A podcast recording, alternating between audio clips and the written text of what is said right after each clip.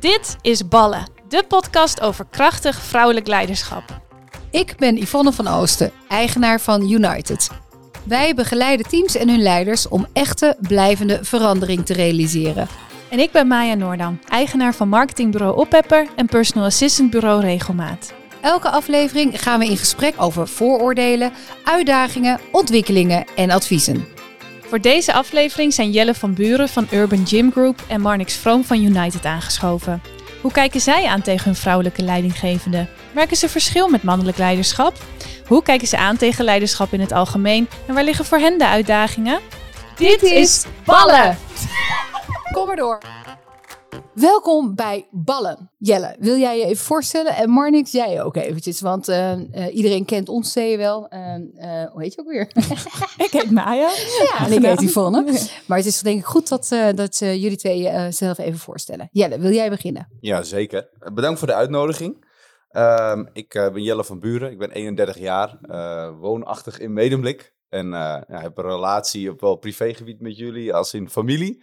Uh, Wat een toestand. Ja, ja dankjewel. Ja. Alsjeblieft. Ja. Ik werk bij de Urban Gym Group. En de Urban Gym Group is een organisatie um, die verschillende vertakkingen heeft. Uh, waaronder de merken Tremor, High Studios, Club Sportief.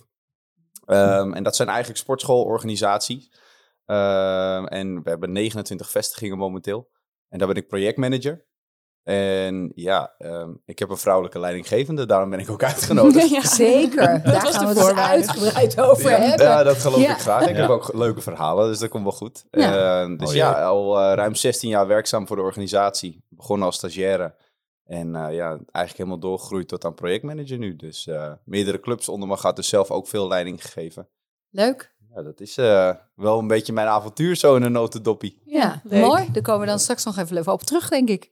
Marnix? Uh, Marnix Vroom, uh, 32 jaar, werkzaam voor United.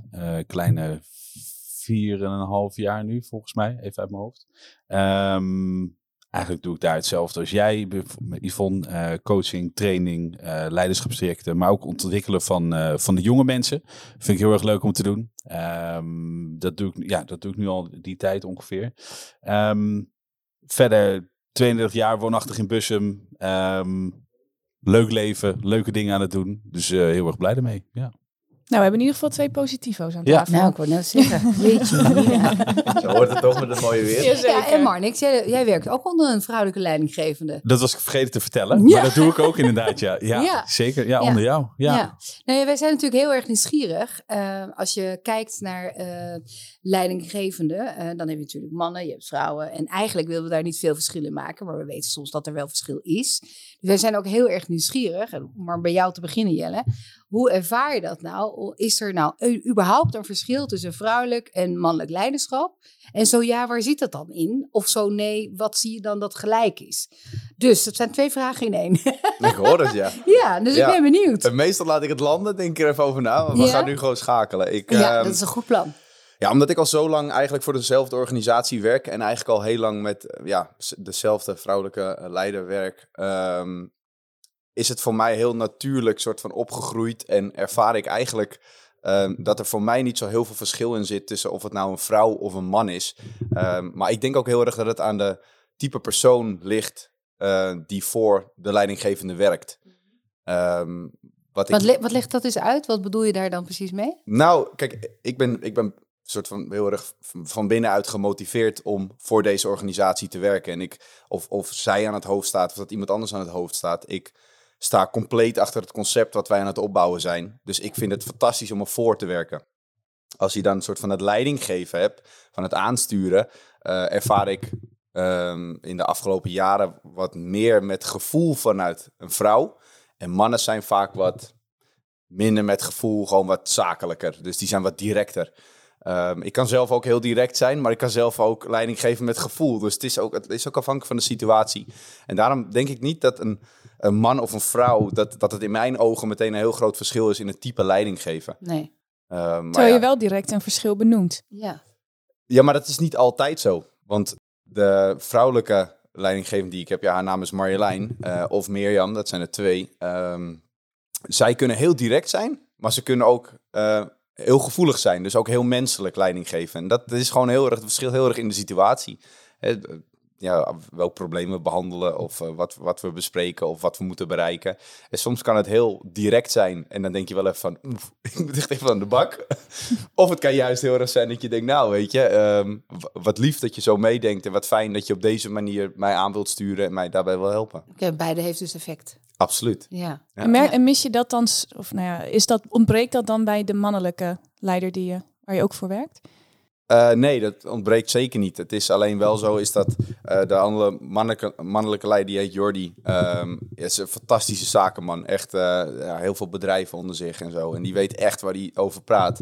Alleen, ja, weet je, zijn tijd is gewoon kostbaar. Dus als wij een meeting inplannen, dan is de meeting is wijs van eh 20 minuten. Maar dan is de meeting ook echt 20 minuten, want er staan nog veel meer dingen op de agenda. Dus het is vaak heel concreet. Je hebt agendapunten, die behandel je en er is weinig tijd voor chit-chats. Ik hoor dus toch nummer twee een verschil. Juist. Ja, misschien heeft het ook met tijd te maken, hè? Of, of Ja, ja. dat, dat weet ik niet, maar dat is wel grappig wat je zegt. Want je zegt tijd is kostbaar. ja, Ik zou me kunnen voorstellen dat voor de twee leiding- vrouwelijke leidinggevenden dat dat net zo geldt. absoluut. Maar misschien leggen ze de prioriteiten misschien wel anders. Ik heb geen idee. Ja. Heb je, want je benoemt echt wel die twee verschillen. ja, en ik denk ook dat dat ook gewoon het karakter is van de persoon zelf. Oké. Dus ik denk niet dat het alleen op zakelijk vlak zo is, maar ik denk dat het bijvoorbeeld in het dagelijks leven vaak ook zo eh, gaat. Ik weet dat Jordi is bijvoorbeeld heel gestructureerd en is ook heel erg van het sporten en zo. En er wordt altijd 's ochtends gesport. Het is gewoon belangrijk. Dat is een essentie. En eh, ik denk dat, dat bij Marjolein bijvoorbeeld, die kan dan weer zeggen van nou, ik sport wel einde dag. Ik ga eerst even lekker dit doen. En die, ja, die leeft ook heel erg in het moment. Ja. Die is daar Eh, flexibeler in dan. Absoluut. Ja. Ja, ja, zeker. Ja. Oké, maar dan zeg je eigenlijk dat zit veel meer in de persoon zelf. ja, ik denk dat het echt met karakter te maken heeft ook. Oké, oké. Ja, en toch zijn het wel de dingen die je over het algemeen vaker hoort over vrouwelijke leiders. Tuurlijk, eh, uitzonderingen daar gelaten. En je hebt altijd vrouwen die zich misschien, zoals wij vinden, wat mannelijk, qua mannelijk leiderschap wat meer opstellen of andersom. Maar over het algemeen zijn de dingen die jij benoemt, ja, die hadden wij van tevoren wel kunnen uittekenen. Ja. Hoe kijk je daarnaar? Denk je dat dat, hè, je zegt dat het gaat om het karakter van iemand, maar merk je toch, als je even eerlijk moet zijn, dat je toch ergens wel wat kunt generaliseren daarin? Zou ik even niet weten. Nee. Moet hij even laten landen. Ja. Maar niks, ja. hoe kijk jij daarnaar? Nou, ik, ik zit er wel over na. Althans, ik heb er de, gisteravond ook nog wel over nagedacht. En we hebben natuurlijk ook nog even een kort gesprekje gehad. Weet je, ehm, ik, van nature wil ik er eigenlijk geen onderscheid in maken. Toen, toen ik het eerst vroeg aan mezelf, toen dacht ik ook, daar zit geen onderscheid tussen. Wat doe je nou gek, weet je? Doe normaal, dat, dat hoeft helemaal niet. Maar als je er stiekem over nadenkt, maak je er onbewust denk ik wel onderscheid in. Van, ehm, oh dat is een vrouw, dan moet ik die misschien wat liever behandelen of wat aardiger of wat, wat softer zijn. Of daar moet ik anders mee omgaan. Terwijl je bij een man denkt, oké, dan kan ik tak, tak, tak doen en gas erop geven. Ehm, terwijl als ik nu kijk, ja, wij kennen elkaar natuurlijk al. Ik dacht dat ik jou goed kende, nu ken ik jou nog beter de afgelopen vier jaar. Eh, dan vind ik juist dat jij bijvoorbeeld nog eh, meer to the point bent op veel momenten dan dat een mannelijke leidinggevende dat is. Ook wel misschien omdat eh, als mannen met elkaar leiding geven, en er is misschien ook wel eens, althans dat heb ik dan ook wel eens meegemaakt, ehm, dat je dan het gevecht met elkaar hoeft aan te moeten aangaan. Hè, dus dan word je voorzichtig misschien, of dan wordt het een beetje afstand houden, terwijl hierin in onze dynamiek denk ik zeggen we gewoon wat we te zeggen hebben, punt. Ja. Dus ik, ik vind het lastig om er echt een onderscheid in te maken. Of, of, of er een verschil in te zien. Terwijl Ja. je het onbewust misschien toch wel doet. Ja. En qua verwachting die je hebt van zo'n lei- leidinggevende, hè? Jij, jij zegt al Jelle, van eh, mijn vrouwelijke leiders die zijn wat meer van het eh, wat zachter soms en wat meer om, om te helpen. Is dat ook iets wat je dan van ze verwacht? Of en verwacht je dat dan minder van een mannelijke leider? Ehm, en zou je bijvoorbeeld als jouw vrouwelijke leidinggevende zouden zeggen van ja, ik heb 20 minuten voor je en daar blijft het bij, want ik moet door, ik heb een agenda. Zou je dat dan accepteren? Ik snap dat het moeilijk is om het te beantwoorden, maar zit er een verschil in verwachting tussen jouw mannelijke en vrouw- vrouwelijke leider vanuit jou? Nou ja, ik word eh, binnen een paar weken vader. Ehm, en eigenlijk dat hele traject daar naartoe heb ik ehm, natuurlijk verschillende meetings gehad. En eigenlijk in het begin van de meeting is het altijd met Mirjam of Marjolein is het... Vertel, hoe is het met het vrouwtje? En weet je, ja, dat soort dingen allemaal. En dat is... Ik vind het altijd superleuk en ik, ik kan daar altijd gewoon heerlijk over praten. Oh, je bent Ehm, niet iemand die zegt goed En dan klaar? No, nee, absoluut niet. Oh, Daar gaat dus er een je- boek over. Nee, jij lult wel door, ja. Ja, daar wordt er wel gewoon lekker over gekletst. En dan krijg je natuurlijk Ja. ook de verhalen te horen over de kids van vroeger, eh, eh, van hun. En, ik, en ik, ik, ik vind dat ik vind dat prachtig, weet je wel. Ehm, Ja. En als ik dan bijvoorbeeld bij Jordi kijk, eh Jordi heeft er absoluut naar gevraagd. En in toot altijd interesse. Alleen inderdaad, het is gewoon... ehm, Eigenlijk ben ik hetzelfde als dat Jordi is. Ik vind het heel lekker om gewoon een lijst te hebben. Daar knallen we doorheen en dan kunnen we verder. En ehm, misschien dat ik dat bij Jordi dan ook verwacht. Dus ja, weet je, dan weet ik waar ik aan toe ben. Ja. En bij eh Mirjam en Marjolein denk ik, eh, nou, daar neem ik lekker de tijd voor, dan gaan we zitten. Dus het is ook mijn instelling. Dus Juist. inderdaad, verwacht ik het? Eh, ja, enigszins wel, ja. En jij Ja. maar niks? Eh, ik weet niet of ik dat verwacht, zeg maar, of, of dat ik daar echt een verwachting van tevoren inleg. Ik heb natuurlijk maar één leidinggevende, eh, dat is een vrouw, Yvonne. Ehm, dus, dus, Meer dan genoeg. ja, dat, is ten eerste meer dan genoeg, 100 procent. Je hoeft het niet gelijk zo te Dus bevestigen. ik, heb daar, ik heb daar niet bepaalde verwachting in, merk ik, nu Nee? ik erover nadenk. Maar Nee. jij hebt ook wel onder mannelijke leidinggevenden gewerkt. En hoe is dat dan? Hoe was dat dan? Ja, dat, dat was ehm, anders. Ehm, Zie je, dat is toch grappig maar. Hè? Het is, blijkt toch in essentie anders ja, het is anders. Maar ik zit even te kijken op welke vlakken dat dan is. Want het is heel dynamisch daarin, in die vlakken. De, kijk, ik heb één mannelijke leidinggevende Die vond ik zo soft. Daar dacht ik, nou, daar loop ik overheen. Bij jou heb ik dat weer niet. Maar dat heeft niet zozeer met man-vrouw te maken. Nee. Totaal niet. En het is ook denk ik de instelling die je zelf hebt, hoe je naar een aantal dingen kijkt. En wat je verwacht van, nou, wat- jij ook zei, wat je verwacht van mensen of van een man of een vrouw. Maar ben ik er bewust mee bezig elke dag, joh, wat verwacht ik van die persoon of die persoon? Omdat het een man of vrouw is? Nee. Nee, maar ik denk ook dat het punt is dat het niet bewust gaat. Ja, maar ja, dat is het ook. Ja. Ja. Want ik heb een aantal keer voor mannelijke leiders gewerkt. En toen ik voor mezelf ging beginnen, toen had ik een soort van de verwachting dat mensen hetzelfde met mij om zouden gaan. En nu komen er wel eens mensen bij mij met verhalen of met vragen of met gedoetjes, zoals Yvonne dat dan zegt. Dat ik denk, nou, dat, ik, ik zou dat zelf nooit gedaan hebben naar die, mijn vorige leidinggevende. En ik heb ook nooit mensen gezien die dat deden. Dus ik heb het idee dat het eh, dat er van mij wel verwacht wordt dat, dat ik wat toegankelijker ben, om het wat meer over gevoel te hebben. Terwijl als ik misschien het, het prototype of het stereotype keiharde zakenman was geweest, dat ze echt niet altijd met elk pijntje, dingetje bij mij zouden komen. En Ja. dat ze me dat dan misschien ook wel kwalijk zouden nemen. Maar, maar doen ze dat dan ook? Want ik, ik weet bij jou, ik ken je ook wat langer. De- de- Jij, bent ook, jij kan ook heel gezellig, leuk en, en, en vriendelijk zijn.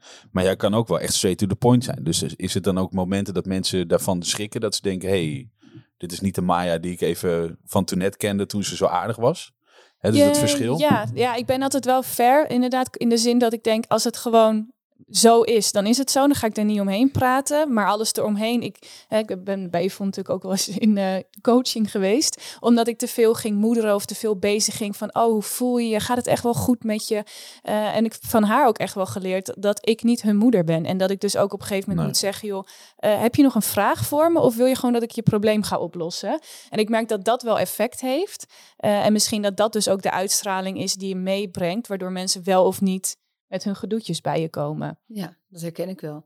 Ik, wa- wat, ik moet, ik, terwijl eh, jullie zitten te praten, moet ik natuurlijk ook even over nadenken. En dat, zit het eigenlijk bij mij? Maar ik vind zelf persoonlijk dat ik heel ik werk heel graag met mannen.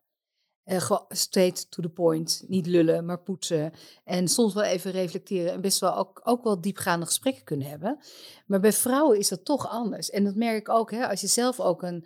Nou ja, ik wil niet zeggen dat ik een hele sterke vrouw ben, maar ik denk dat ik toch wel enigszins dat ben. Ja, en dan doet dat. ja, Kunnen we je. gerust van uitgaan. Ja. Ja. Dan heeft dat ook ook. impact op vrouwen soms. Ja. En die kijken dus toch anders. Terwijl als je dan bij een man komt, die schakelt. Weet je, ik kan met mannen whisky drinken en een sigaar roken, bij wijze van spreken. Nou, dat kan je bij vrouwen niet doen. En dat is, althans, ik ben ze nu niet heel erg tegengekomen. Nee. Dus dat is heel grappig om dat te zien. Dus ik persoonlijk werk ik, en ik wil niet zijn nadeel doen van alle vrouwelijke directeur waarmee ik ook werk. Maar het liefst werk ik toch met mannen. Die zijn gewoon straight, weet je. Niet lullen, poetsen, gaan met die baan, beslissing nemen en klaar. En, dat ik- kunnen vrouwen natuurlijk ook wel doen, maar ik denk wel ja, dat vrouwen. Ja, maar ook in, in combinatie met. Jij bent echt wel hard en jij, jij bent heel. Ja, je, je bent wel ja, stevig in dingen, hoe je ze aanpakt, hoe je dingen benoemt. Eh, niet het wollige wat je toch vrouwen vaak wel doen. Hè. Ik probeer, hè, je doet het allemaal hartstikke goed en bla bla bla bla bla bla. En dan één klein dingetje zou misschien beter kunnen. Jij zegt gewoon, waar ben je mee bezig? En ik denk dat je wel vrouwen hebt die daar eh, allergisch voor zijn. Ja, Die jou dan heel vervelend en irritant en dominant en arrogant vinden. En dan vraag ik me... laatste.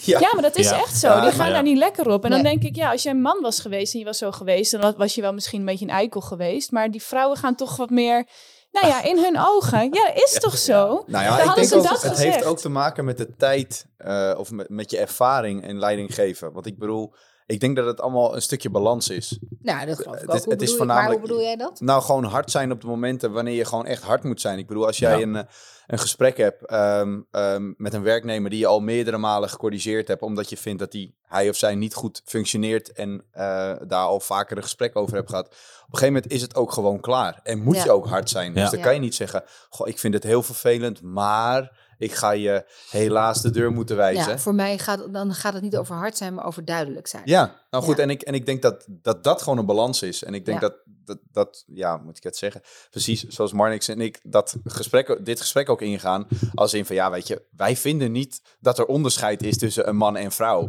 En ik denk dat dat ook van deze tijd heel erg is, hè. Want dat zie je dus ook gewoon met, eh, met eh, eh, de genderneutrale community. En, weet je, alles, het, het speelt zo erg momenteel. Ja. Ehm, en ik, dat, ik denk, nogmaals, dat is ook weer het type persoon, hoe je daar tegenaan kijkt. Marnix en ik kijken daar hetzelfde tegenaan. Maar er zullen ongetwijfeld ook werknemers zijn die denken, een vrouw, dus jij gaat mij vertellen eh, wat ik moet gaan doen. Ja. Die zullen waarschijnlijk ook niet heel lang eh, onder die vrouw werken, of onder die, Nee. die leider werken. Want ik bedoel, ja, op een gegeven moment is dat dan gewoon klaar, omdat het gewoon niet matcht. Nee. En als je dan als Ja, vrouw dat is wel grappig bent... dat je dat zegt. Want laatst had ik, eh, had ik een, een, een andere groep. En er was een, eh, een mevrouw en die vertelde dat ze heel blij was dat ze onder die man vandaan was, zeg maar. Eh, omdat hij zo dominant was. En dat, ze had nu een vrouwelijke leider en daar voelde ze zich veel beter bij. Ja. En dan moet ik zo uitkijken. Sorry trouwens voor degene die nu luistert. wie het gaat. Dat een ik- dat fictief ik verhaal. niet- ja, maar weet je Ja. dat ik dan Is een niet, dat ik daar dan Ja. niet de kriebels van krijg.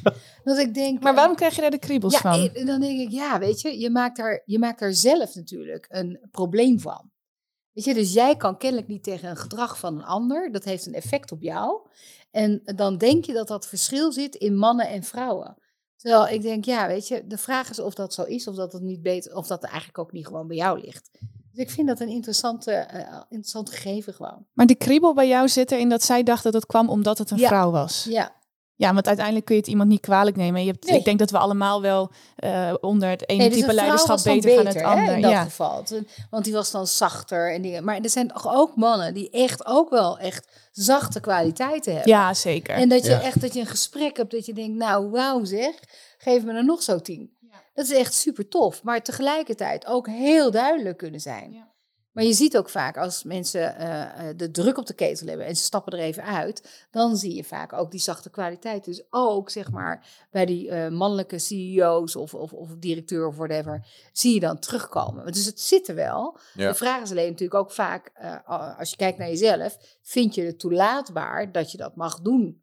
Hè? Ja. En, eh, dus Het dat zou ook wel in de cultuur liggen eh, in het bedrijf zelf, ook. hè? Ook, ja, ja. zeker. Dat heeft er ook mee te maken. Is het toelaatbaar? Ja, Ja. Ik, heb, ik ben ehm, drie jaar lang, eh, tenminste ik heb zeven jaar lang, heb ik drie clubs eh, begeleid eh, van onze organisatie. En daar was ik dan manager. Eh, en ik had een, een, een vrouwelijke manager naast mij. En wij waren dan samen een team en stuurden dus eigenlijk onze werknemers aan. Ehm, de balans tussen ons was ontzettend leuk om te zien. Ik was dan echt vaak direct en heel erg, in, wat ik net ook aangaf, de lijsten. Hè, dit moeten we regelen, dit moeten we... Ja, ehm, heel eh, doelgericht. ja, ja, juist. Ja. En zij was dan heel erg, eh, zij, zij deed daaraan mee, alleen zij week nog wel eens af. En dan, en dan week ze af omdat eh, een werknemer dit aangaf. Of omdat eh, ze tegen dit aanliep en dat ze dacht, nou, dit moet ik ook nog wel even oppakken. Want ja, dat, dat moet toch gewoon, weet je wel. Dus die, die balans tussen dan ook weer een man en een vrouw... ehm, was, was in mijn geval heel magisch. En eh, ik was daarin wel wat directer eh, als in doelstellingen behalen. Maar zij was veel directer op het moment dat werknemers zich niet aan de regels hielden bijvoorbeeld. Dan, ging, dan kwam je echt op het matje. Ja. En dan werd je wel een soort van eh, met respect behandeld. eh, Maar er werd wel even gezegd eh, waar Hoe het zat. stond. Ja. En dat Ja. deed zij Ja. dan ook Ja. echt. Ja. Dus dat, dat was dan al. En dan zei ik soms wel eens van, zei Diana, dat zei ik Diana, ik zeg, doe nou even rustig, weet je. Ga er eens over na. Nee, joh, nee. En nu ben het nou. Joh, Ja. we gaan er nou tegenin. Dus Ja. dat was Ja. ja, echt prachtig altijd. Leuk. Ehm, maar dat werkte ook eh, als in de leden die wij op de club hebben. Als er eh, situaties voorvielen waarvan wij dachten, ja, weet je, ehm, dit, dit klopt niet. Ehm, eh, hier, hier moeten we wat van zeggen. Dan was het vaak dat als het bij vrouwen was, dan ging ik het gesprek aan. Maar was het bij mannen, ging zij het gesprek aan. Omdat je bij mannen toch echt een, ja, stukje testosteron kreeg. Dus dan moest je iemand echt apart nemen en dat gesprek gaan voeren. Want als je dat in de club deed, kon het heel aanvallend Ja. overkomen. Ehm, ja, ja, nou ja, ja, absoluut. Ja, zeker. Alleen Geweldig. als zij dan het gesprek eh, aanging, dan was, dat, was, het, was het helemaal oké. was niks aan de hand. nee. Eh, Dat was dat was die balans dan tussen vrouwen en mannen eh, als in leidinggeven. Ja, leidinggeven, ja, Ja, maar met dit soort dingen, daar heb je eigenlijk zeg maar eh, positief gebruik gemaakt van de Absoluut. kwaliteiten van mensen. zeker. En dat, dat is natuurlijk heel erg leuk. En zeker als je het kan zien. Hè, en als je het niet zelf als een eh, tekortkoming ervaart, dan kan je het met elkaar, kan je het gewoon ook inzetten. Ja, Maar Ja, maak, je, dat maak je dan kwaliteit van ge- en, en daarvan gebruik van de mensen of van man-vrouw? Ja, of is dat gewoon soms, als we helemaal generaliseren, hetzelfde? Want uiteindelijk, hè, we zeggen de hele tijd, nee, er zit geen verschil. En allemaal, weet je, ook wat we eigenlijk willen. Alleen we zijn ook constant, net wat jij ook uitlegt, Jelle, aan het benoemen waar het verschil wel ook in zit. Dus ik denk ook, mannen en vrouwen, kijk, dat vind ik altijd zo. We zijn gelijkwaardig, maar we zijn niet gelijk. En we Nee, hoeven ook niet klopt. te doen alsof dat zo is. En Nee. je kan hele mannelijke vrouwen hebben en hele vrouwelijke mannen. En dat zijn allemaal de uitzonderingen. Maar is het per se erg dat er verschil in zit? Of levert het inderdaad ook, zoals Jelle zegt, soms gewoon goede voordelen op? Ja. Omdat er wel verschil in ik kan zit. er ook gebruik van maken. Ik, ik denk Ja. dat het heel veel oplevert. Juist. En dat het misschien ook wel goed is dat we niet eh, allemaal daarin gelijk zijn. En Nee. als ik kijk naar... Nou, Yvonne, jij zit veel op eh, boordniveau. Dan is het handig denk ik dat je een vrouw bent zo af en toe die kan zeggen wat ze te zeggen heeft. In plaats van dat een man dat doet. Eh, nou ja, ja en nee. Want Ja. het verschilt dus ook aan de groep die je voor je hebt dan. Maar ja, weet je, het werkt, het werkt gewoon wel anders. Kijk, als ik bij vrouwen zeg maar dit wil doen, even om een pinkie winken, dat moet ik niet doen. Nee, dat hebben ze gelijk door. Ja. Ja. maar mannen die komen daar pas later achter. Ja. Helemaal Oh, shit, niet. shit. Nee, die komen er helemaal niet Ja, achter. of helemaal niet. Weet Dat kan ook je? natuurlijk, hè? Of die Ja. vinden het juist leuk, of die spelen daarop in. Ja. Weet je, Ja. dat, is echt, dat is echt grappig om dat verschil daarin. Ja, ik benoem het dan toch maar als verschil. Om dat te zien. Kijk, en, maar mannen hebben misschien wel van, een- van eh, een mannelijke collega dingen snel door. Dus ja, weet je. Ja, Nou goed, nou ja. de conclusie is, er zit sowieso verschil in. Dus. Ik Ja. denk het wel, ze Ja. toch ook mannen Ja. en vrouwen. Ja, ja. Ja. Het, weet, en weet je wat het punt is? Kijk, laatst was ik gevraagd voor een, eh, voor een klus. En dat was ik niet geworden. En dat was ik niet geworden omdat de groep graag een man wilde hebben. En toen vroeg ik aan de, de opdrachtgever: ehm, één, ga je nou mee met de groep? Dus dat is één. En twee, ehm, eh, ehm, eh, kijk je dus ook wel naar kwaliteiten. Dus welke kwaliteiten heb ik niet die volgens jou die man dan wel zou hebben? Ja. Daar heb ik nooit antwoord op gekregen. Het ons gebouw hier Bizar. ontplofte bijna, zo pissed off was hè, om Ja, ik was inderdaad. En ik word nooit zo Daarom snel pissed off. Niet Ja. op Ja, dit soort ja. dingen. Nou, ik word gevraagd. eigenlijk nooit zo. Nee, snel. Eh, Oké, dit was de podcast. ik stap er gewoon uit nu. Ik word niet gehoord. Nee. Maar hebben ze ook aan je gezegd waarom ze dan een man wilden? Nee, om, nou ja, dat hebben ze gezegd. Omdat er een, en dat was nog veel erger. Er was een ervaring met een vrouw. Die was zachter. Eh, en nu dachten ze, als we een man hebben, die is wat harder. En toen dacht ik, nou, dan ken je mij nog niet. Maar dat maakt niet uit. Maar dus dat was het. En toen dacht ik, nou, maar je kent me helemaal niet. Nee. En je kent dus ook niet mijn kwaliteiten. Nee, en ik eerlijk. denk, als je me echt had geweten, dan had je dit nooit tegen me Nee. gezegd. Nee. Maar ik denk dat ik herken dat ergens wel, want ik heb me daar ook wel schuldig aan gemaakt. Ik was op een gegeven moment op zoek naar een coach en ik dacht, nou, ik moet geen vrouw hebben. Dat getut en dat gewollig en dat zweverige en dat lekker in je kracht gaan staan. Ik dacht, nee, Oh, ik moet gewoon een man hebben die zegt, joh, maar je zit het gewoon te verkloten en dit is gewoon je probleem en gewoon hard. Nou, toen ontmoette ik Yvonne en toen realiseerde ik me dat het niet om man of vrouw ging. Maar dat, is, dat heb ik dus zelf, zelfs ook wel gehad. Ja. En dat komt ook omdat er ook heel veel vrouwelijke coaches zijn die wel zo zijn. Ja, en dat is ook oké, hè? Ja. Het mag ook. En, maar het ligt goed. natuurlijk aan het type klus wat je moet doen. Eh, maar ik denk ook dat eh, toch ergens zit het in onze maatschappij nog ergens deep down verscholen en ingebakken. Dat we zelf ook het verschil maken. Ja. En Maar dat het is dat dan verschil erg dus ook dus? is. Nee, ja. wat mij Maar dat is betreft toch ook hormonaal? Zeker, dus daar is alweer een verschil, zie je. Ja. Ja, Ja. ja. maar, ja, maar dat is oprecht echt zo. Ik denk als je thuis in privésferen met je partner, eh, daar heb je ook wel eens oneenigheid. En dan, Ja. en dan heb ik echt zoiets van, nou, begrijp je dat nou gewoon niet? Of zie je dat niet? Of, en dan en heb ik het er wel eens met een vriend over of zo. En, dan, en die zegt echt van, nou joh, eh, ik zou precies zo reageren. Ik snap ook waarom je zo reageert, weet je wel. En als uh, Jolijt, uh, mevrouw, dan uh, met haar vriendin daarover praat, dan Ja. geeft haar vriendin haar weer gelijk. Ja, Dus ja, ja, ja. de, ja, weet je, de, hormonaal gezien en ik denk ook gewoon in, in een bepaalde denkwijze zit er toch verschil in. Ja, maar goed, weet je, en het is niet erg. Eh, de vraag is natuurlijk, maken we het verschil groter? Of maken we gebruik van de kwaliteiten die een ieder heeft? En volgens mij is dat het belangrijkste om, eh, eh, zeg maar, eh, te doen. Dus ge- gebruik maken van de kwaliteiten. En de kwaliteiten die ik heb, die kan een man net zo goed hebben en andersom ook. Ja. Alleen je moet wel ook verder durven te kijken dat je neus lang is. Absoluut. En als je gaat generaliseren, dan wordt het een probleempje, denk ik elke keer. Eh, en dat is ook wel grappig, want eh, ik ben ooit, zeg maar, ehm, ook die, die Mindbugs Mindhugs begonnen uit nijd. Mooie drijfveer. Pure uit. frustratie. Nee. Ja. En het grappige is dat ik op een gegeven moment dacht, wat een gezeik met al die wijven. Sorry jongens voor de tekst, maar dat is echt oprecht wat ik bedacht. Ja. Wat een gezeik en een gemiemel. En alles goed willen doen. En alles moest integer. En ja, dat vind ik nog steeds dat dat moet. Hè. Maar je kan dat niet allemaal alles doen. Hè. En het moest allemaal precies. En eh, er moest veel gevoel in. En je moest kunnen luisteren naar een ander. En blablabla. Nou ja, weet je jongens, op een gegeven moment denk ik, houd toch eens op. Ik kan niet altijd luisteren naar een ander.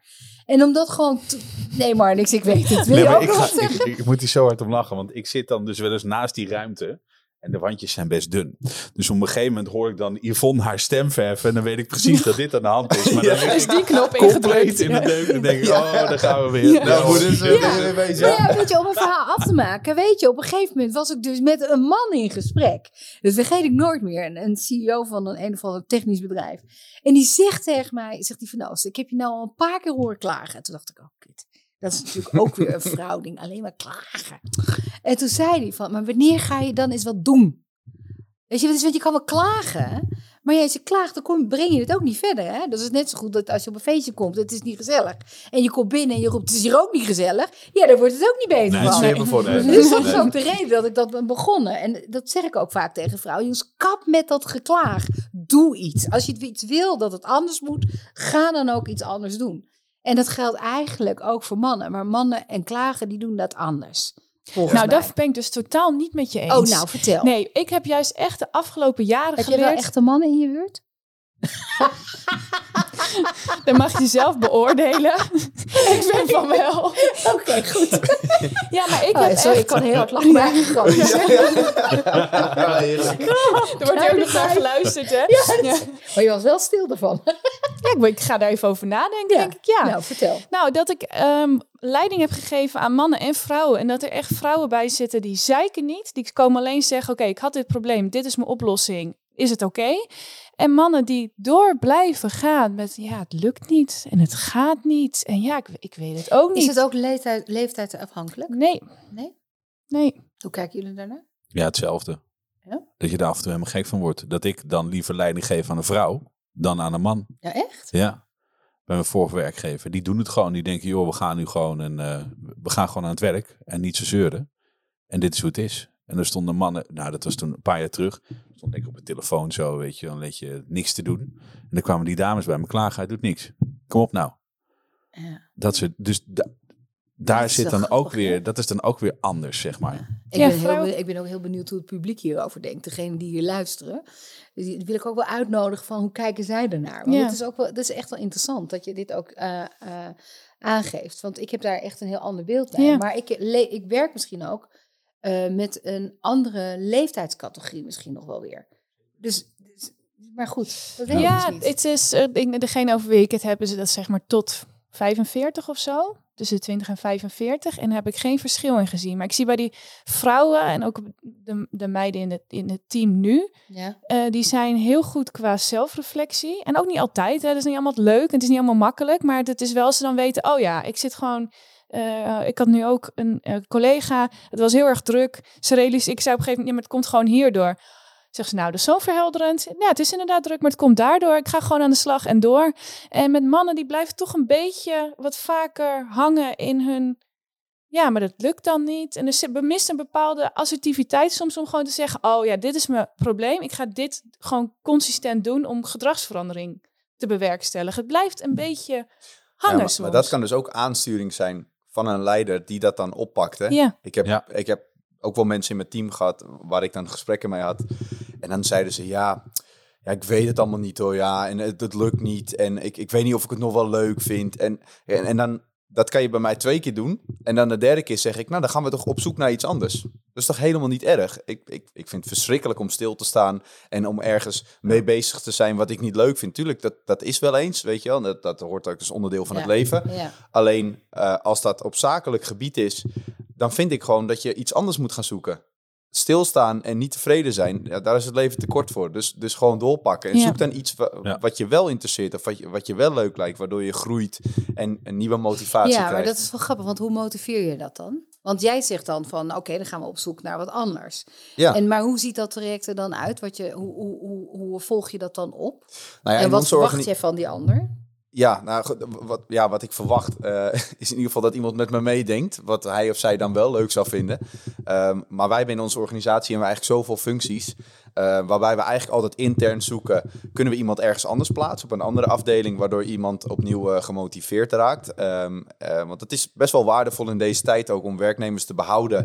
Eh, met de ervaring van het, Ja. ja. van het bedrijf al. En als je dat dan intern ergens anders kan plaatsen, is natuurlijk een mega meerwaarde. Ehm, maar lukt dat dan niet, dan ga ik ook echt gewoon met iemand aan tafel. Eh, en dan gaan we ook echt gewoon bespreken, oké, maar wat lijkt je dan wel leuk? Wat zijn je kwaliteiten? Waar zit je dan wel eens over na te denken? En als, kom je er dan wel eens tegen dat mensen zeggen, ik zou het niet weten?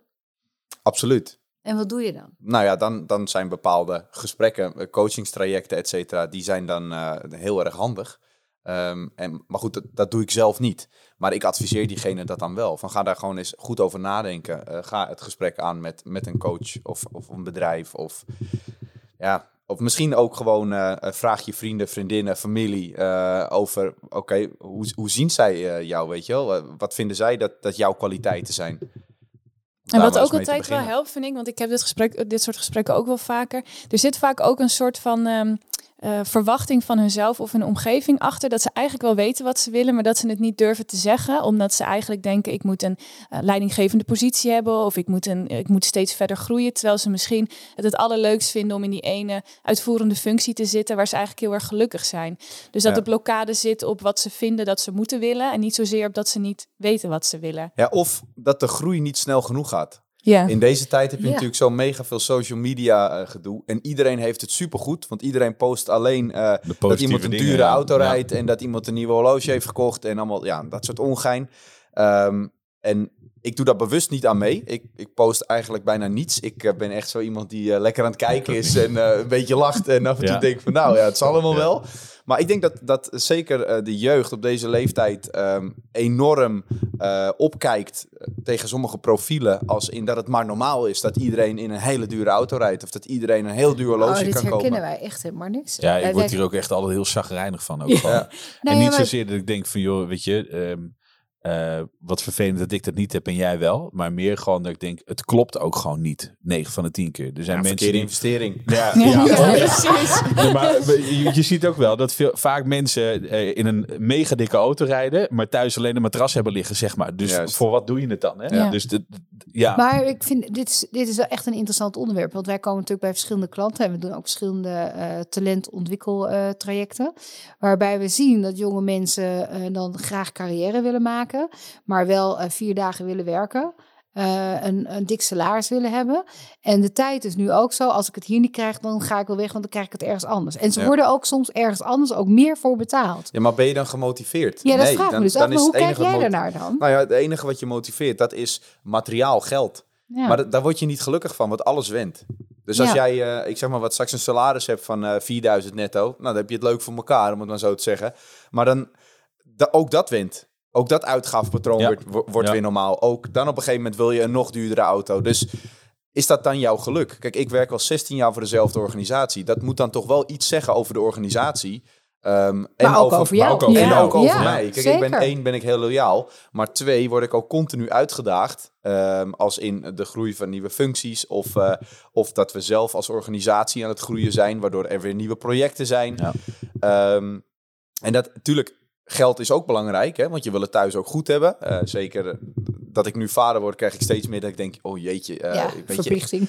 nou ja, superleuk, maar Ja. inderdaad de zorg. Hè? Ja. Je wil, je het beste eten moet op tafel en, eh, en het moet alles kunnen geven. mooie kleding. En ja, weet je, het, het, het is in deze tijd ook zo. Alles is veel duurder.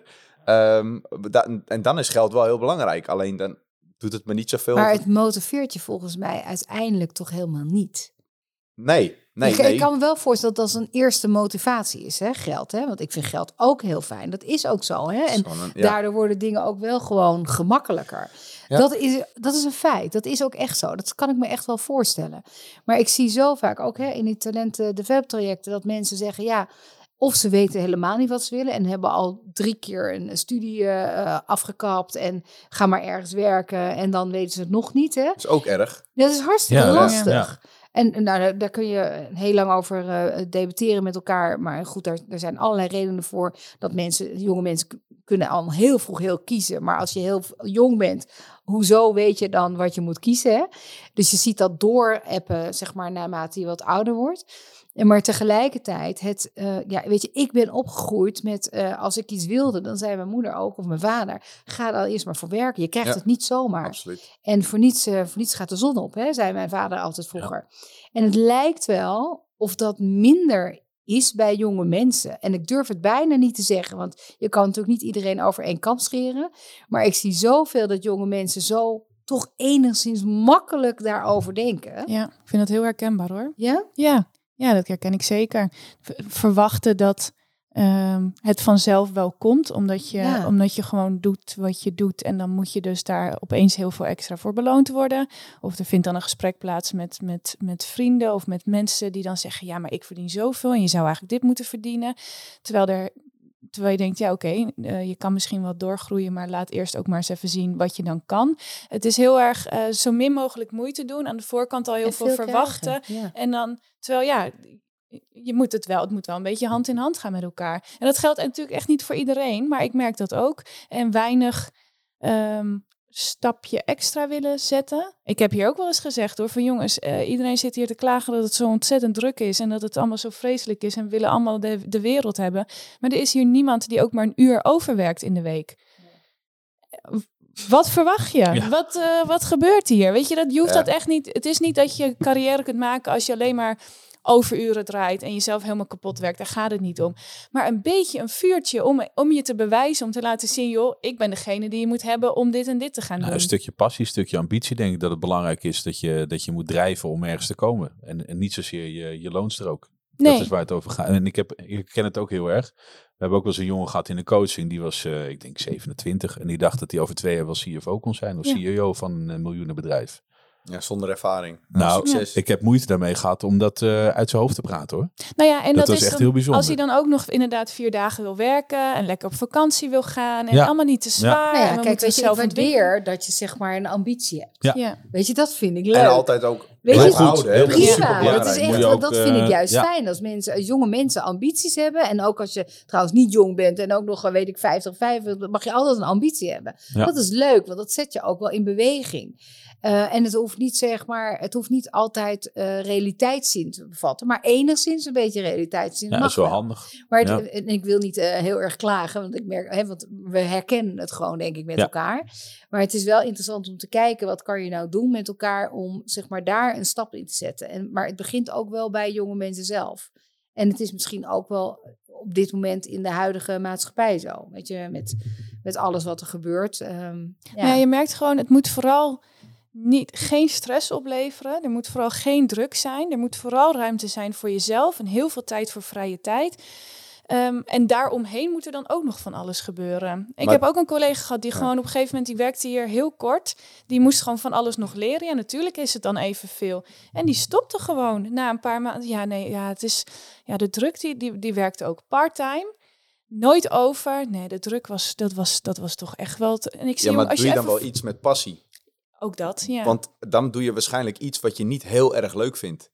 Als, als, als, met overwerken ook. Kijk, wij in onze organisatie ehm, en in mijn functie dan, 40 uur werken is niet realistisch. Nee. Dus, dus Nee. maar als, als ik er 45, 50, 55 werk in de week, dan heb ik wel dat ik thuis kom dat ik denk, zo, het was een pittige week, maar Ja. we hebben hele leuke resultaten neergezet en ik heb zin in volgende week. Ja, dus dat geeft voldoening. Dus het geeft voldoening. En, Ja. ik, en ik denk ook dat je baan moet een onderdeel van, van, van jou zijn. Dus je leven zijn. En je baan moet niet zijn, ik sta op om geld te verdienen. En ik kom naar huis en ik kijk eigenlijk uit nadat het vijf uur is. Want dan kan ik eindelijk doen wat ik leuk vind. Ja. En ik, ik denk dat dat tegenwoordig ehm, ook wel veel gebeurt. Hè? Want mensen die denken van nou, ik neem die baan of ik ga voor die baan, want ik verdien dan dat salaris. Nou, dan ben ik gelukkig. En ik denk niet dat geluk daar, eh, daarin zit. Dus net Maar- zoals Yvonne net zei, met geld is handig. Hè? Ja, want je kan zeker. leuke dingen, je kan lekker Ja. uit eten, je kan iets moois voor jezelf kopen. Maar uiteindelijk zit het geluk daar niet in. Maar is het fout om zo te denken?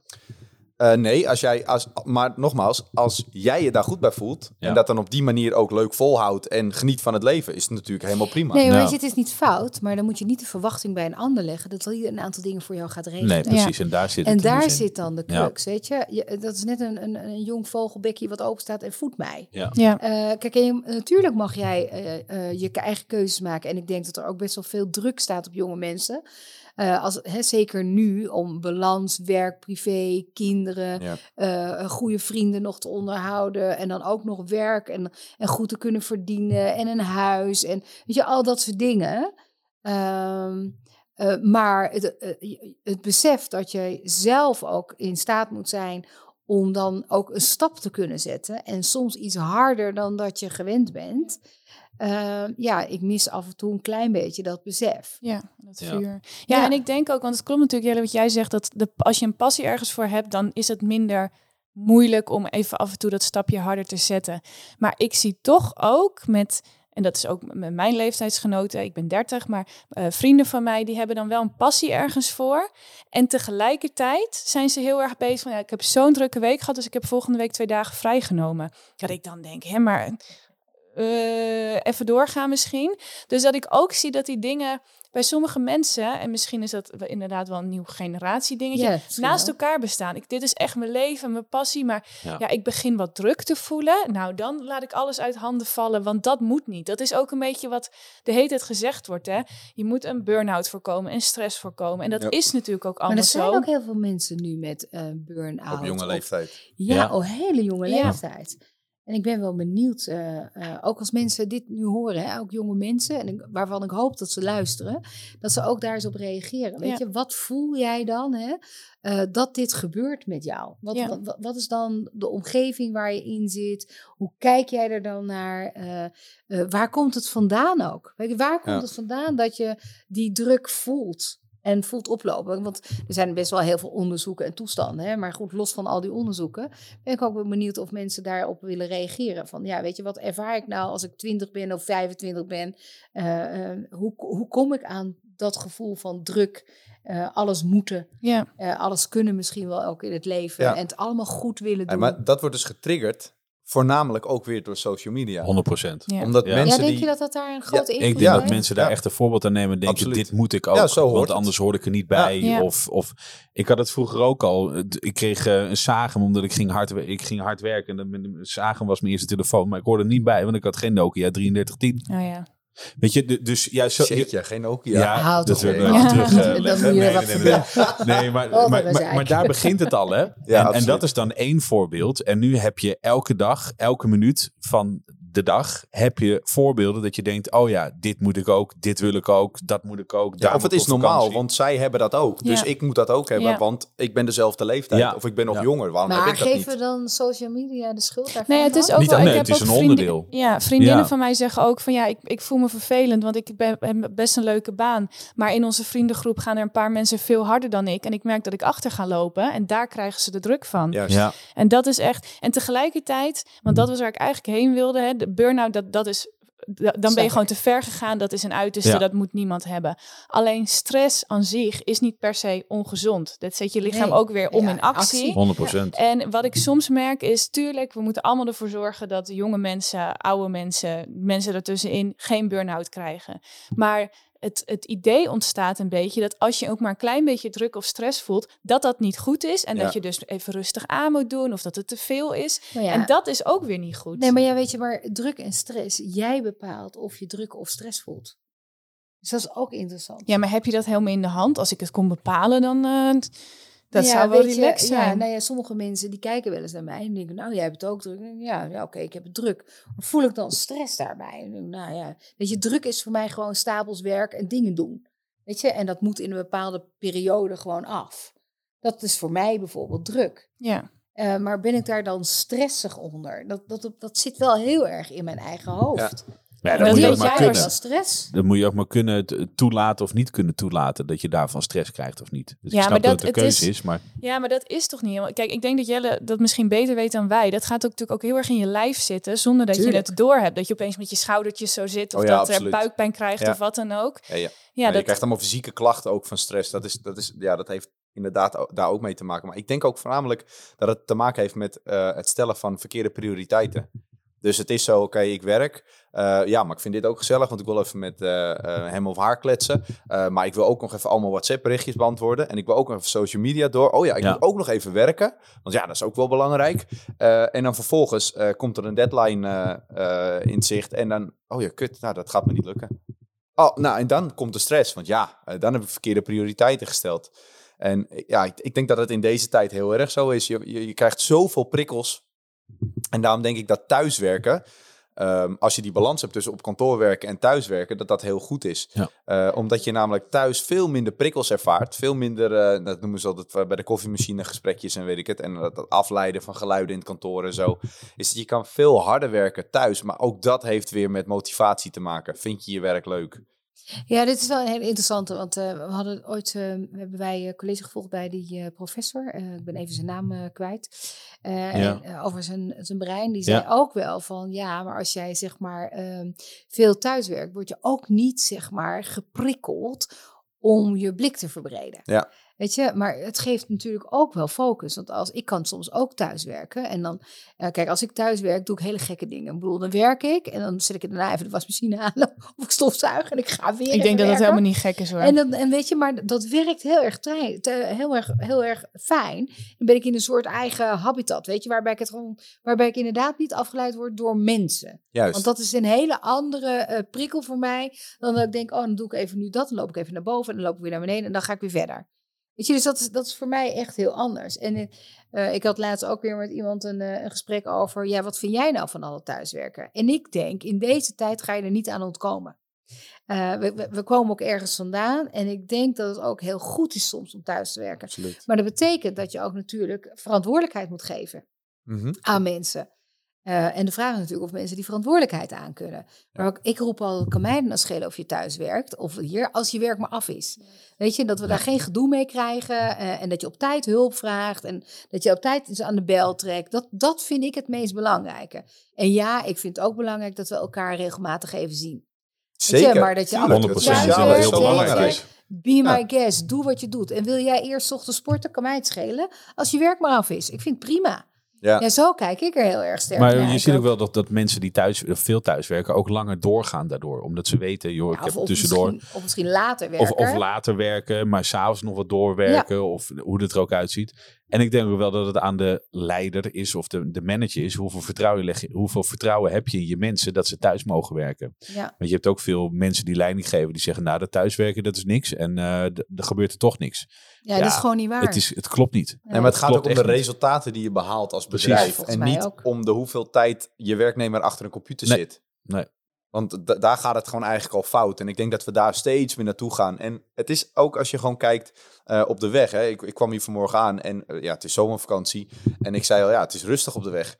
Dat is fantastisch. Maar ik moet ook zeggen dat, dat eh, tijdens de coronatijd was het ook rustig op de weg. En op het moment dat we soort van weer met z'n allen gingen werken, was het ineens weer mega druk. Mega en, druk. En, Ja. en, en, weet je, qua tijd ook. Ja, er komt zo'n half uur, drie kwartier tijd eh, zowel heen Ja. als terug bij. En dat Ja. is gewoon ja, letterlijk zonde, Zonde. van je Ja. tijd. Ja. En je komt geïrriteerd op je werk en geïrriteerd thuis. Juist, maar, Ja. ook, maar, ja. weet je, dus als je gewoon die balans hebt, dat je bij wijze van zegt van de vijf dagen, als je, als je vijf dagen werkt, eh, ga je bijvoorbeeld twee dagen werk je thuis en drie dagen weer op kantoor of andersom. Ik denk dat dat heel goed is voor de persoon zelf, voor het bedrijf goed is, want je hebt minder eh, kantoorruimte nodig, scheelt je ook nog in vierkante meters. en, en dan heb je ook nog eens wat, dat het wat rustiger op de weg is. Ja. Ja. Nou ja, kijk, bij ons is het zo. eh, ik, ik denk er precies hetzelfde over als Yvonne. Dus mensen mogen bij ons werken hoe laat ze willen en waar ze willen. Dus de meesten doen een beetje een mixje van dan thuis en dan op kantoor. Dat kan elke week verschillen. Sommige mensen willen hier de hele tijd zijn. Eh, we hebben onbeperkt vakantiedagen. Want het gaat mij inderdaad om. Je weet wat er van je verwacht wordt. Waar, hoe, hoe snel je dat doet, dat interesseert me eigenlijk niet. Eh, en ik probeer dus, want jij zei net Marnix van hey, de, de, eh, het vertrouwen dat je als leidinggevende hebt in je mensen. Bij mij is het soort van de basis. Ik ga er gewoon vanuit als je hier komt werken dat je dat aan kan. En als het tegendeel bewezen wordt, dan moet je er gewoon uit. Want dan klopt ons ecosysteem niet meer. Maar ik ben niet per persoon aan het kijken van, oh, nee, dat is gewoon een gegeven. Ik vertrouw erop dat jij dit aan kan. Dat bespreken we ook van tevoren in de sollicitatiegesprek heel duidelijk. En als je bewijst dat het niet kan, nou dan gaan we even zo'n gesprekje hebben waar we het over hadden. Dat je even zegt, nou, nu is het klaar. Maar dan ben je dus ook echt op zoek naar dat soort mensen die het ook waarschijnlijk aan kunnen. Ja, dat is het belangrijkste Ja, onderdeel van Dat- onze ja, Je moet het ook wel gewoon kunnen, zeg maar. Ja. Ja. vertrouwen terug kunnen geven aan je, aan je leidinggevende, Ja. Dat denk zegt ik. natuurlijk Ja. ook alles over jouw eigen leiderschap. Hè? Kan jij vertrouwen geven? Ja. Want het begint natuurlijk bij vertrouwen in jezelf. Ja. Eh, en sommige mensen leggen onbewust eh, hun, hun, hun, hun beeld over hoe zij het mogelijk misschien wel eens zouden gaan doen, op op een ander. Dus het, gaat ook, het gaat ook over, over leiderschap en, en persoonlijk leiderschap. Van vertrouwen geven aan, aan een ander. Hebben jullie tussendoor wel eens gesprekken met de werknemers als, in, als, in, als je de leidinggevende bent? Dat je gewoon eh, een één op één gesprek aangaat. En dat hoeft niet eens voor een half uur te zijn, Ja, hoor. maar dat kan ook gewoon tien Ja. minuten even Ja. samen, even reflecteren. Als het Ja. vijf minuten, een kopje Ja. koffie, Ja. een bakje thee, eh, even buiten of iets, ja. Dus dan kun je eigenlijk in, in, in die tijd kun je ook al gewoon polsen van oké, hoe staat de werknemer erin? Eh, ervaar ik eh, dat er een blokkade ergens zit? Of heeft iemand het eh, fantastisch en eh, zwaar aan het genieten? Worden de resultaten behaald? Kan ik iemand een beetje bijsturen? Dat kan in die paar minuten kun je al heel veel verschil maken. Absoluut. Dat- Maar dan moet je daar wel aandacht aan willen besteden dus. Ja, Ja. ja, ja, Nou ja, absoluut. en ik merkte zelf eerst dat het, het losse gesprekje, dat dat niet voldoende was. Want eh, ik merkte dat er dan dingen wel zaten, maar niet helemaal naar boven kwamen. Of dat ze niet helemaal goed over na hadden gedacht nog. Dus wij doen nu wel periodegesprekken eh, drie, vier keer per jaar. Waarbij eh, de collega's van tevoren een vragenlijst moeten invullen. Waardoor ze van tevoren even aan het denken gezet worden over wat er speelt. Dan kan ik dat ook voorbereiden. En dan kunnen we heel gericht met elkaar erover praten en met, aan oplossingen werken. Super. Dat werkte veel effectief. Want ik wilde ook eerst van, nou, hey, we gaan niet allemaal met die formulieren lekker vrouwen. Maar het werkte niet goed. Want mensen zeggen toch al snel als je vraagt hoe gaat het? Ja, gaat goed. Reed je het allemaal? Ja, het is gewoon deze week even druk. Maar hè, terwijl er misschien een druk. structureel probleem is. Of een ding Ja. waar ze tegenaan lopen wat je anders niet kunt fixen. Dus het te vrijblijvend doen, dat werkte voor mij niet. Hoe doen jullie dat? Hoe, ervaren, hoe doe jij dat bijvoorbeeld? Ja, wij hadden, wij hadden eigenlijk gewoon twee keer per jaar echt een reflectiemoment. En dat was inderdaad ook dat we eh, dat zowel de leidinggevende als de werknemer dan de, de lijst met vragen invulden. En daar, eh, die legden we dan tijdens het gesprek een beetje naast elkaar. En dan kreeg je ook wel eens echt complete verschillen te horen. En dan, nou, had je daar een heel leuk eh, gesprek over. Ehm, maar eigenlijk die, ja, de, de snelle gesprekjes, die hebben wij ook gewoon op de werkvloer zelf. Ehm, en ik denk dat wij hebben een cultuur in het bedrijf dat daar wel heel snel wordt gesproken over wat iemand echt voelt en ervaart. Ehm, en, en dat komt ook mede door eh Marjolein en Mirjam. Eh, die zijn ook ontzettend ja, mensen, mensen. Dus die vinden het super belangrijk dat het goed gaat met de werknemers. In de coronatijd eh, hebben we allemaal eh, eh, cadeautjes gekregen. En, en, en werd een soort van wekelijks aan ons gevraagd: gaat het wel goed met jullie jongens? En als, als dan iemand corona had, dan werd diegene ook gewoon eh, drie keer gebeld: van, eh, kan ik nog wat voor je betekenen? En, Ja.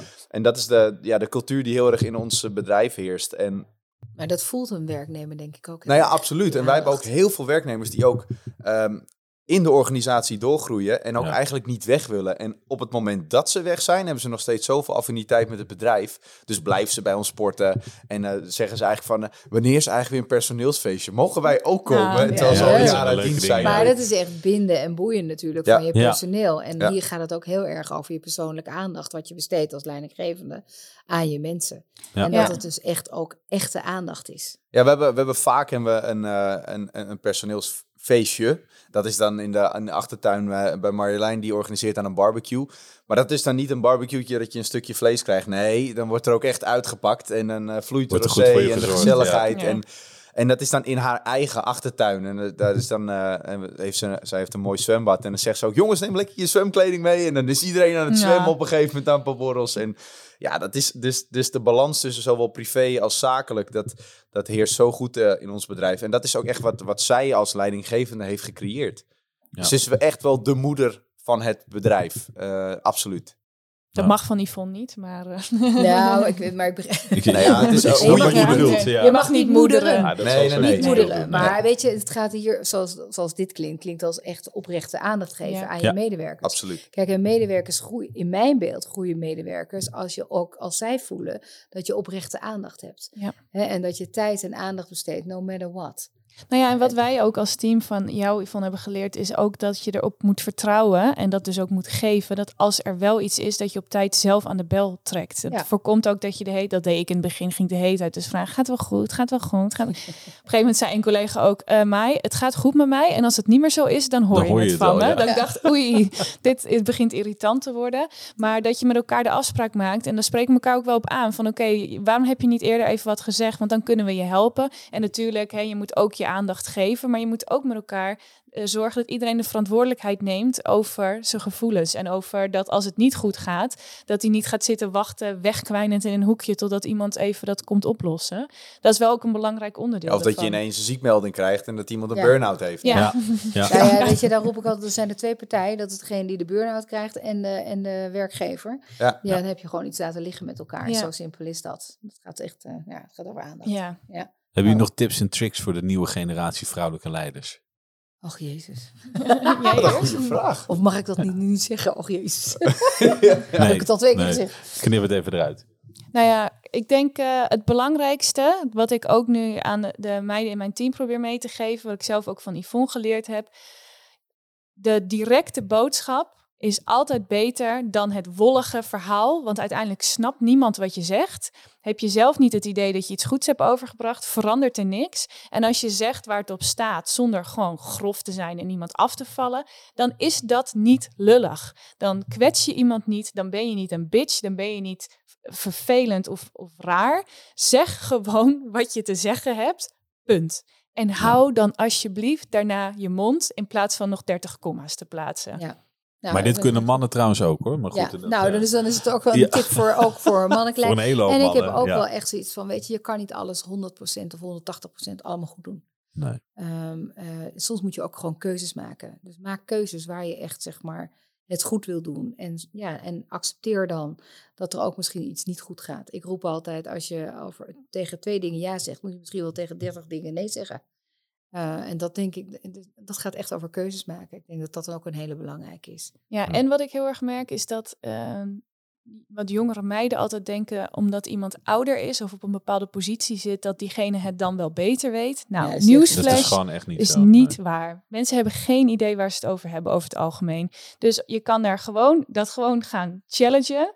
En dan komt als er een goed antwoord uitkomt, dan kun je, daarmee iets verder. kwijt Maar je- de- Nee, maar dat vind ik, ik echt voel je valt me- frustratie. Van de auto. Nou, dat valt, valt me zo op. Ja, nee, maar hij zei dat, dus dat zal wel. Ja, is maar hij, hij of zij is gewoon een idioot die daar toevallig zit. Dat betekent niet dat het per definitie waar is. Welkom bij de spuikkast van Maya. Ja. Ja. Vind ik zo Ja. frustrerend.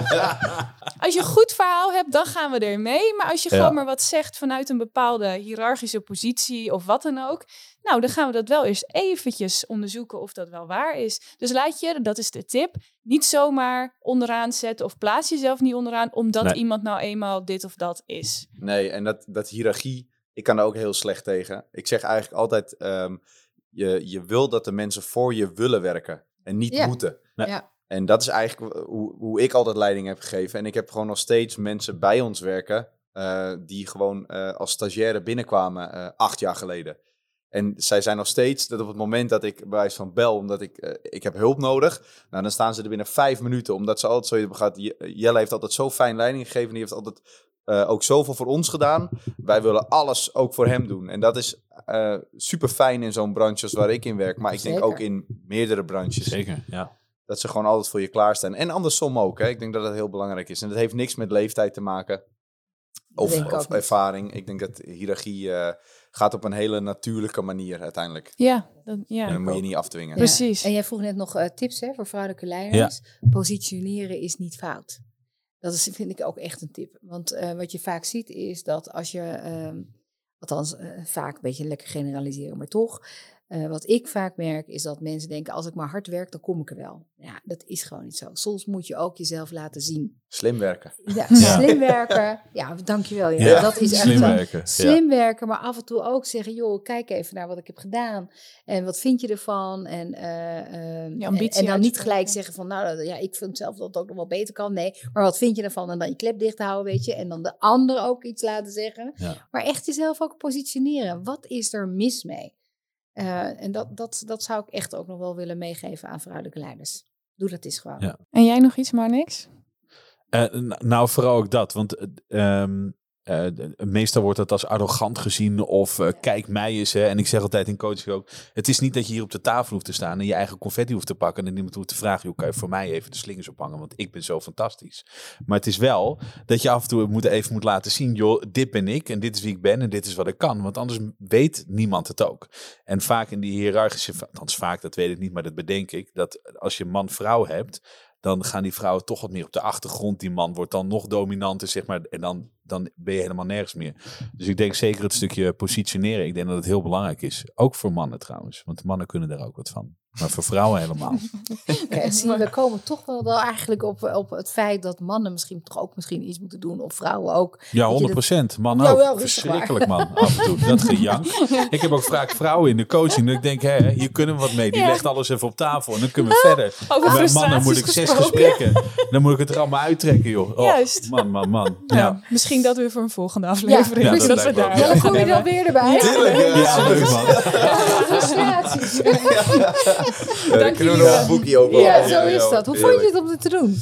Ik vond het eh, ja, superleuk. Erg Ja? gezellig ook. Eh, En, toch wel. Ja, ja, ja, ja.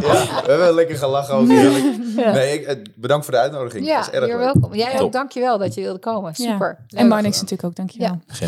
En jij ook, Maya. Nou, Ja, heel jij ook. Ja, dat wilde je horen, als laatste. Rondjes compleet. Positioneren. Ja.